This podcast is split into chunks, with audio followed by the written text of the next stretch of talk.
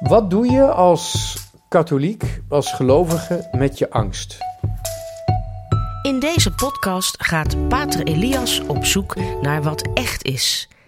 Hij gaat de uitdaging aan om een zo helder mogelijk beeld te vormen van hoe de wereld in elkaar steekt. Dit is de Pater Podcast. Beste luisteraars, ik heb geprobeerd vorige keer um, te spreken vanuit mijn gevoel. Dat doe ik zelden. Niet dat ik niks voel, maar het is altijd heel erg gevaarlijk en riskant om je gevoel mee te laten spelen, ook als argument te gebruiken om de anderen te overtuigen. Ik zie dat heel duidelijk in de cultuur van vandaag. Het gevoel moet het eerste en laatste woord hebben. Het gevoel is de insteek, de manier waarop je begint na te denken en te beslissen en te spreken en ook te handelen. Maar het gevoel moet ook het laatste woord hebben bij een bespreking, bij iets wat je doet, iets wat je met de anderen doet. Het is net alsof het goede gevoel aan het eind van wat je ook doet met andere mensen een beslissende rol speelt. Het gevoel of je je goed voelt, of het leuk is, velt als het ware het laatste oordeel over wat we doen. En dat lijkt heel leuk, dat lijkt heel democratisch, dat lijkt heel liberaal. Maar in feite is het levensgevaarlijk, omdat gevoel en emotie ook een ja, ontastbare, onaantastbare, onfeilbare um, manier kan worden om de ander te chanteren. Je kwetst me, dus heb je ongelijk. Ik heb er een rot gevoel bij, dus het kan niet waar zijn. Hoe dan ook, ik probeer zo min mogelijk mijn persoonlijke gevoelens te gebruiken om de ander te overtuigen. Het gaat toch uiteindelijk altijd over het gezond verstand, dat de ander kan begrijpen, en over geloofszaken die de ander kan proberen te begrijpen. Dat is menselijk communiceren. Daarbij speelt het gevoel een rol, maar dat moet je altijd, als het echt een belangrijke rol speelt, moet je het gevoel eigenlijk compenseren in je argumenten met gevoel voor humor. Het is altijd dat relativeren van jezelf door de humor, dat als het ware als een soort van vaccin dient om um, emotie um, geen uh, ja, instrument van chantage te laten maken. Chantage te laten worden. Maar goed, ik heb het een keer over mijn gevoel gehad en dat was dus in dit geval het gevoel van de angst. Angst waarmee we moeten leren leven. Ik heb in mijn leven, in, vooral in Oost-Europa, waarover ik het vorige keer vrij uitgebreid heb gehad, eerst mijn reizen daarna mijn meer intense reiservaringen en daarna ook woonervaringen door er te wonen en natuurlijk ook door zeer intens om te gaan met mensen die in de gevangenis zaten of er hadden gezeten, eh, ben ik geconfronteerd met de angst. En ik heb geleerd dat de angst is iets waar we mee moeten leren leven. Dat moeten we niet verzwijgen. We moeten erover kunnen praten misschien, maar we moeten er ook overheen durven komen. We hebben natuurlijk allemaal, of we nu in een comfortabel leven uh, zitten of dat we in de stress zitten, maar we zijn allemaal bang voor de dood. Dat is heel menselijk. En daar zullen we mee om moeten gaan. Ook als ik in een kasteel woon met vijf zwembaden en een Rolls Royce voor de deur. Vriendelijk personeel, leuke vrouw, goed opgevoede kinderen. Dat wil zeggen, als ik het meest ideale leven leid, zelfs dan moet ik bang blijven. Of ben ik noodzakelijkerwijs voor de dood bang en moet ik ook met die angst iets doen. En het is hetzelfde voor alle mensen. Angst moet een bespreekbare zaak zijn, geen taboe. Wat doe je als katholiek, als gelovige met je angst? Laat ik beginnen met een angst die heel veel voorkomt in onze tijd. Bij de kleine sectes die eigenlijk door angst de mensen de kerk in willen krijgen. Die hebben het over de eindtijd. Het gaat allemaal fout. We krijgen rampen. We krijgen hele strenge winters weer terug. Of hele warme winters. Waarin in de, de Zuidpool zelfs gaat smelten. Of we krijgen hele koude winters. Waarin we de gas waarin de gasprijs zo stijgt dat we het niet meer, de verwarming niet meer kunnen betalen. We krijgen nog veel engere en viezere ziektes. We krijgen oorlog, we krijgen aardbevingen, we krijgen vulkaanuitbarstingen en, en, en nou ja, nog veel meer. Maar klopt dat?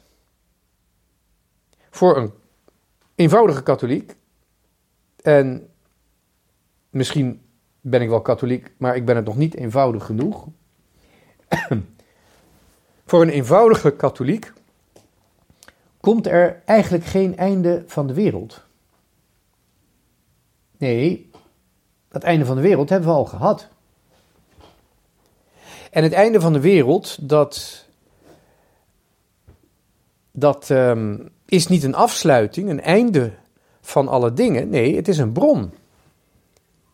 Een eenvoudige katholiek, ik wil het woord goed katholiek niet gebruiken, want ik ben natuurlijk net zoals een heleboel gewone katholieken ben ik een echte slechterik.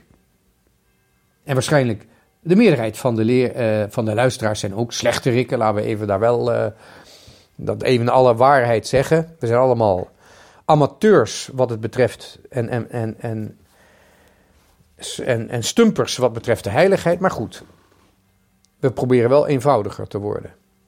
En in die katholieke eenvoud zeg je, we hebben de eind, het einde van de wereld al gehad.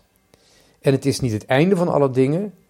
Ja, het is aan de ene kant het einde van alle aardse dingen, van alle tijdelijke dingen. Maar dat einde is het begin van de eeuwige dingen. En dat heet bij ons de Eucharistie.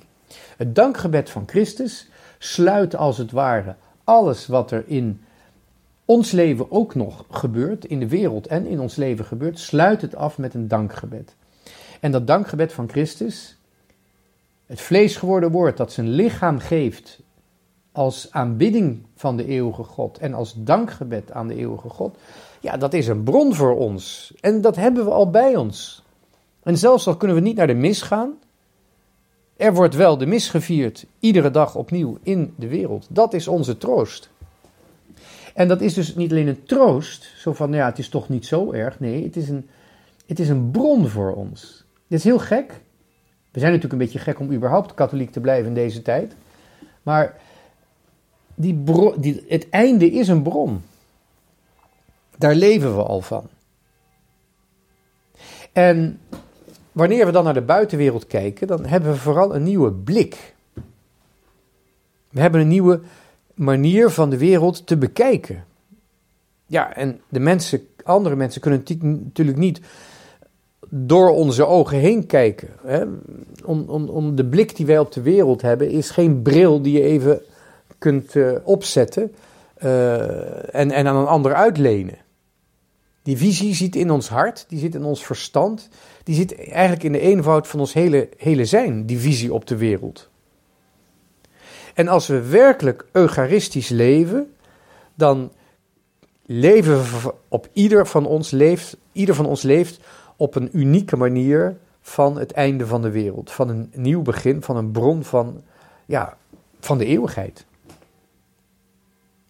En dat betekent ook dat katholieken over het algemeen de machthebbers een beetje bang maken. Wie er ook de macht heeft, koning, koningin, keizer, admiraal, eh, president,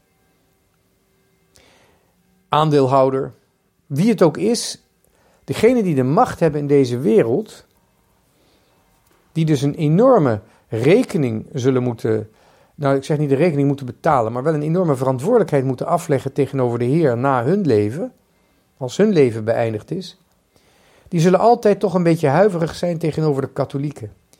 Want die hebben in, ja, die hebben iets dat door de eenvoud aan hun macht ontsnapt. Het is de eenvoud in het geloof die ons een vrijheid geeft, waardoor we als het ware al van tevoren gevaccineerd zijn voor machtsmisbruik, voor te grote macht, voor overmacht. Voor macht die met de dood dreigt, voor macht die met onheil dreigt. Dat is wonderlijk. We zijn gevaccineerd. We zijn gevaccineerd wat dat betreft niet tegen de angst van de dood, want die is heel menselijk, maar wel angst voor de machthebbers van deze wereld. Waar we ook zijn. En we mogen dus, we moeten ook, juist om die blik van ons eenvoudig en zuiver te houden, mogen we heel kritisch kijken naar de buitenwereld. Of die buitenwereld nou ja, duidelijk zwicht onder onderdrukking, of dat die wereld heel zelfgenoegzaam is door het liberalisme. We hebben altijd de mogelijkheid om in een dictatuur terecht te komen. We hebben altijd de mogelijkheid om in een, in een samenleving terecht te komen die verzuipt in de zelfgenoegzaamheid. Doordat de vrijheid ja, niet meer gewaardeerd wordt. Wel gebruikt wordt, geconsumeerd wordt, maar eigenlijk zonder enig nadenken over wat goed en slecht, ja, er van die vrijheid gebruik wordt gemaakt. Die kritische blik op de wereld, dat is altijd met een lach. Maar het blijft wel kritisch.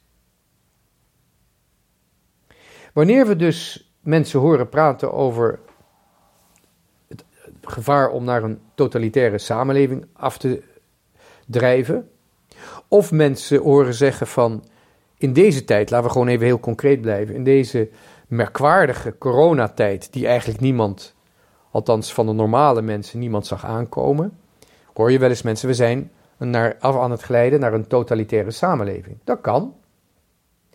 Maar ik denk dat wij als katholieken, als we tenminste echt een beetje ervaring hebben met wat het is om gelovig te zijn, dat we heel nuchter de vraag mogen stellen: uh, waren we niet eigenlijk al totalitair? Zitten er niet al sinds enkele tientallen jaren toch wel heel duidelijk totalitaire uh, ja, trekjes uh, zichtbaar in onze samenleving?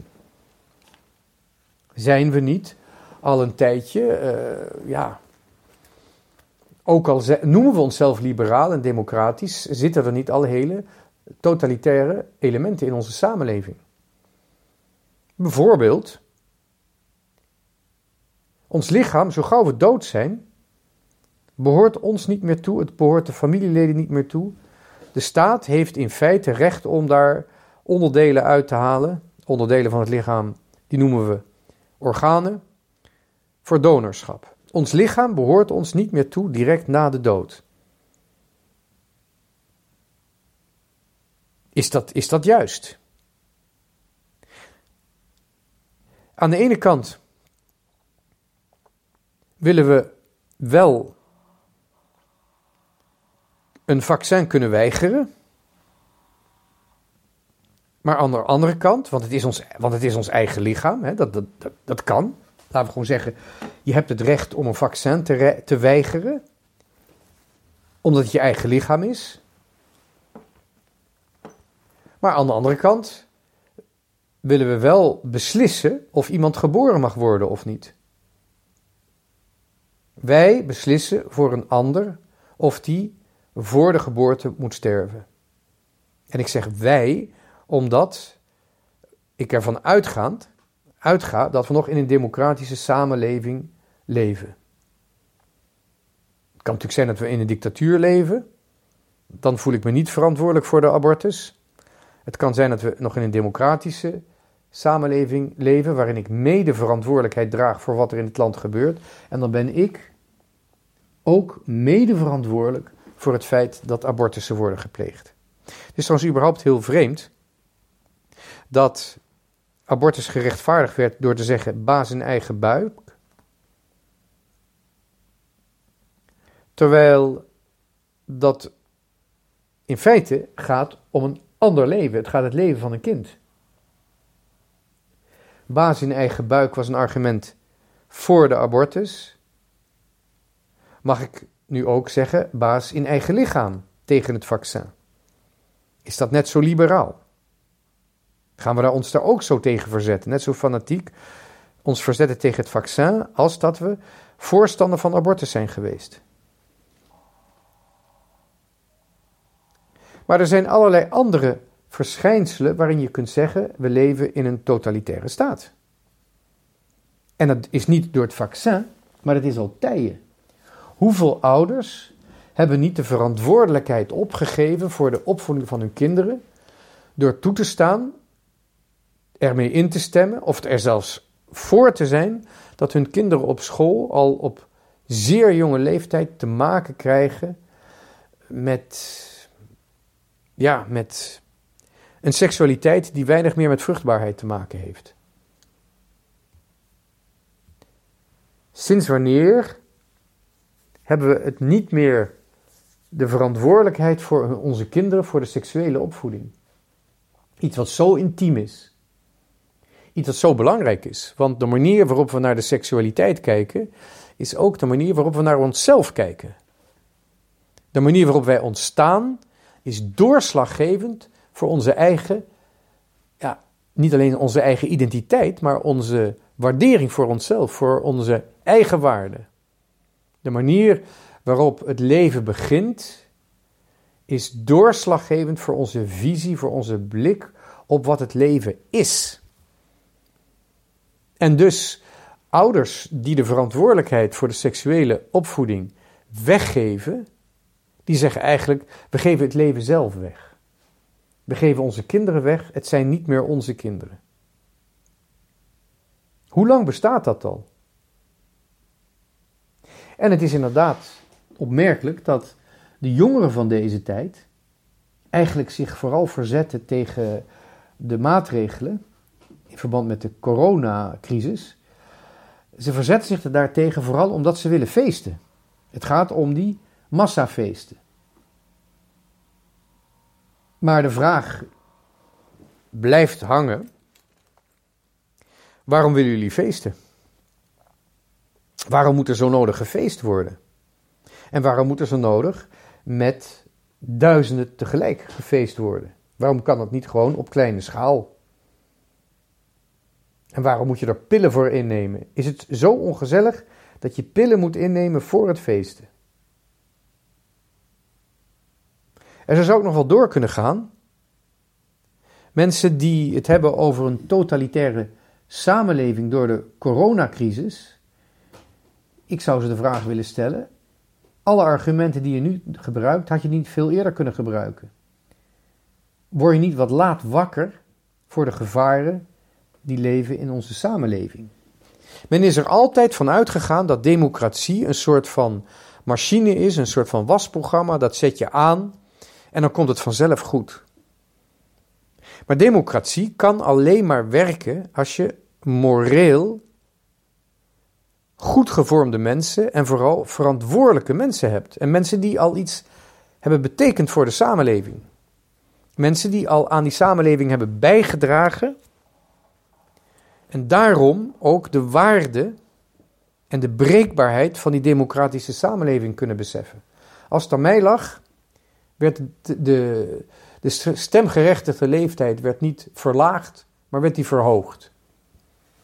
Ik denk dat een mens, als hij 40 is, pas weet wat het betekent om offers te brengen voor een samenleving.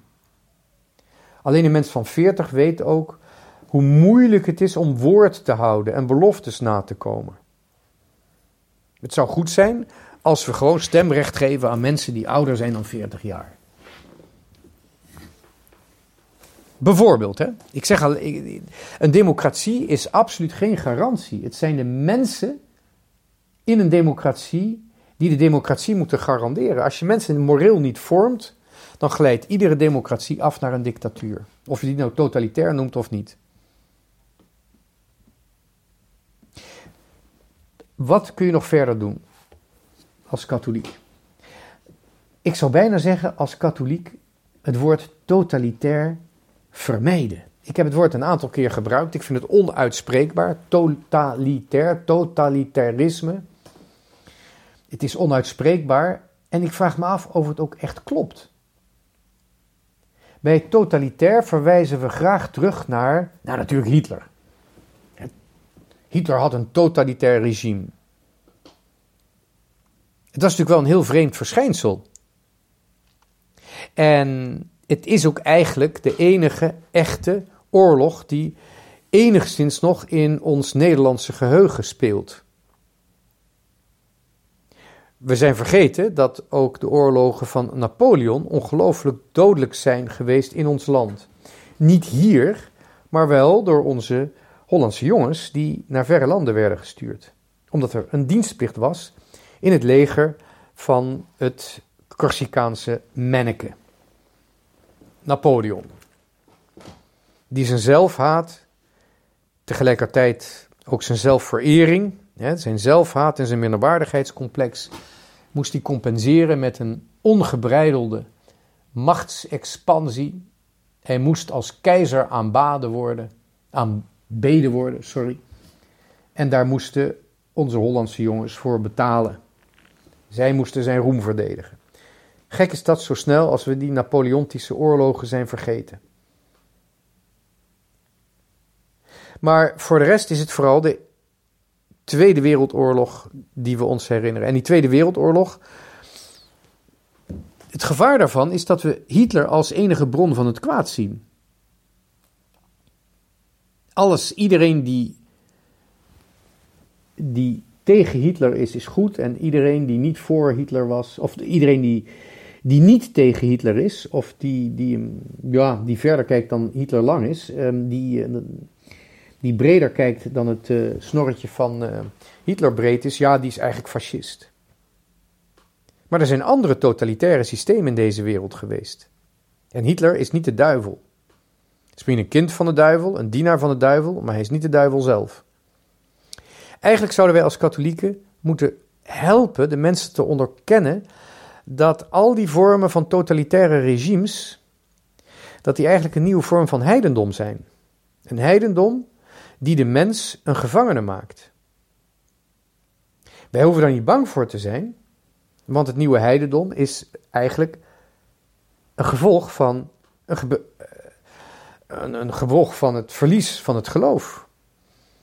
Het ontkennen van de wijsheid. Eigenlijk zijn alle ideologieën die eh, totalitair worden, zijn een vorm van nieuw heidendom, waarin de wijsheid totaal genegeerd wordt persoonlijke wijsheid, persoonlijke troost, persoonlijk geloof, hoop en liefde totaal ontkend worden, in die nieuwe vormen van heidendom wordt de wijsheid volkomen genegeerd en wordt de mens een slaaf van ideologieën die zich altijd voordoen als een wetenschap, maar het niet zijn. Ideologieën die de mens eigenlijk verklaren wat hij is of wat hij moet worden, wat hij moet zijn. En ook liberalisme kan een totalitaire ideologie, oftewel een nieuwe vorm van heidendom worden. Een mens kan zo zichzelf gaan aanbidden dat hij een afgod gaat worden. De mens kan zo vol worden van zichzelf van zijn eigen gevoel, van zijn eigen mening. Dat die mening een dogma wordt. En dat de mens in feite zichzelf zit te aanbidden. En ja, dat is eigenlijk geen vorm van totalitair regime, maar het is een vorm van superliberaal zijn. Een superliberalisme, een metaliberalisme, een volkomen egoïsme. Een fetischisme van het eigen gevoel. En daar mogen we ons kritisch over uitlaten, omdat wij katholieken zijn. Omdat wij niet geloven dat het, het doel, de zingeving in deze wereld is. Niet in het ego, niet in de samenleving. Met die vrijheid mogen we iedere crisis die we tegenkomen, die we waarmee we worden geconfronteerd in ons leven, met dat geloof, met die vreugde, mogen we de wereld confronteren. En dat doen we niet om de wereld bang te maken, maar om de wereld te bevrijden.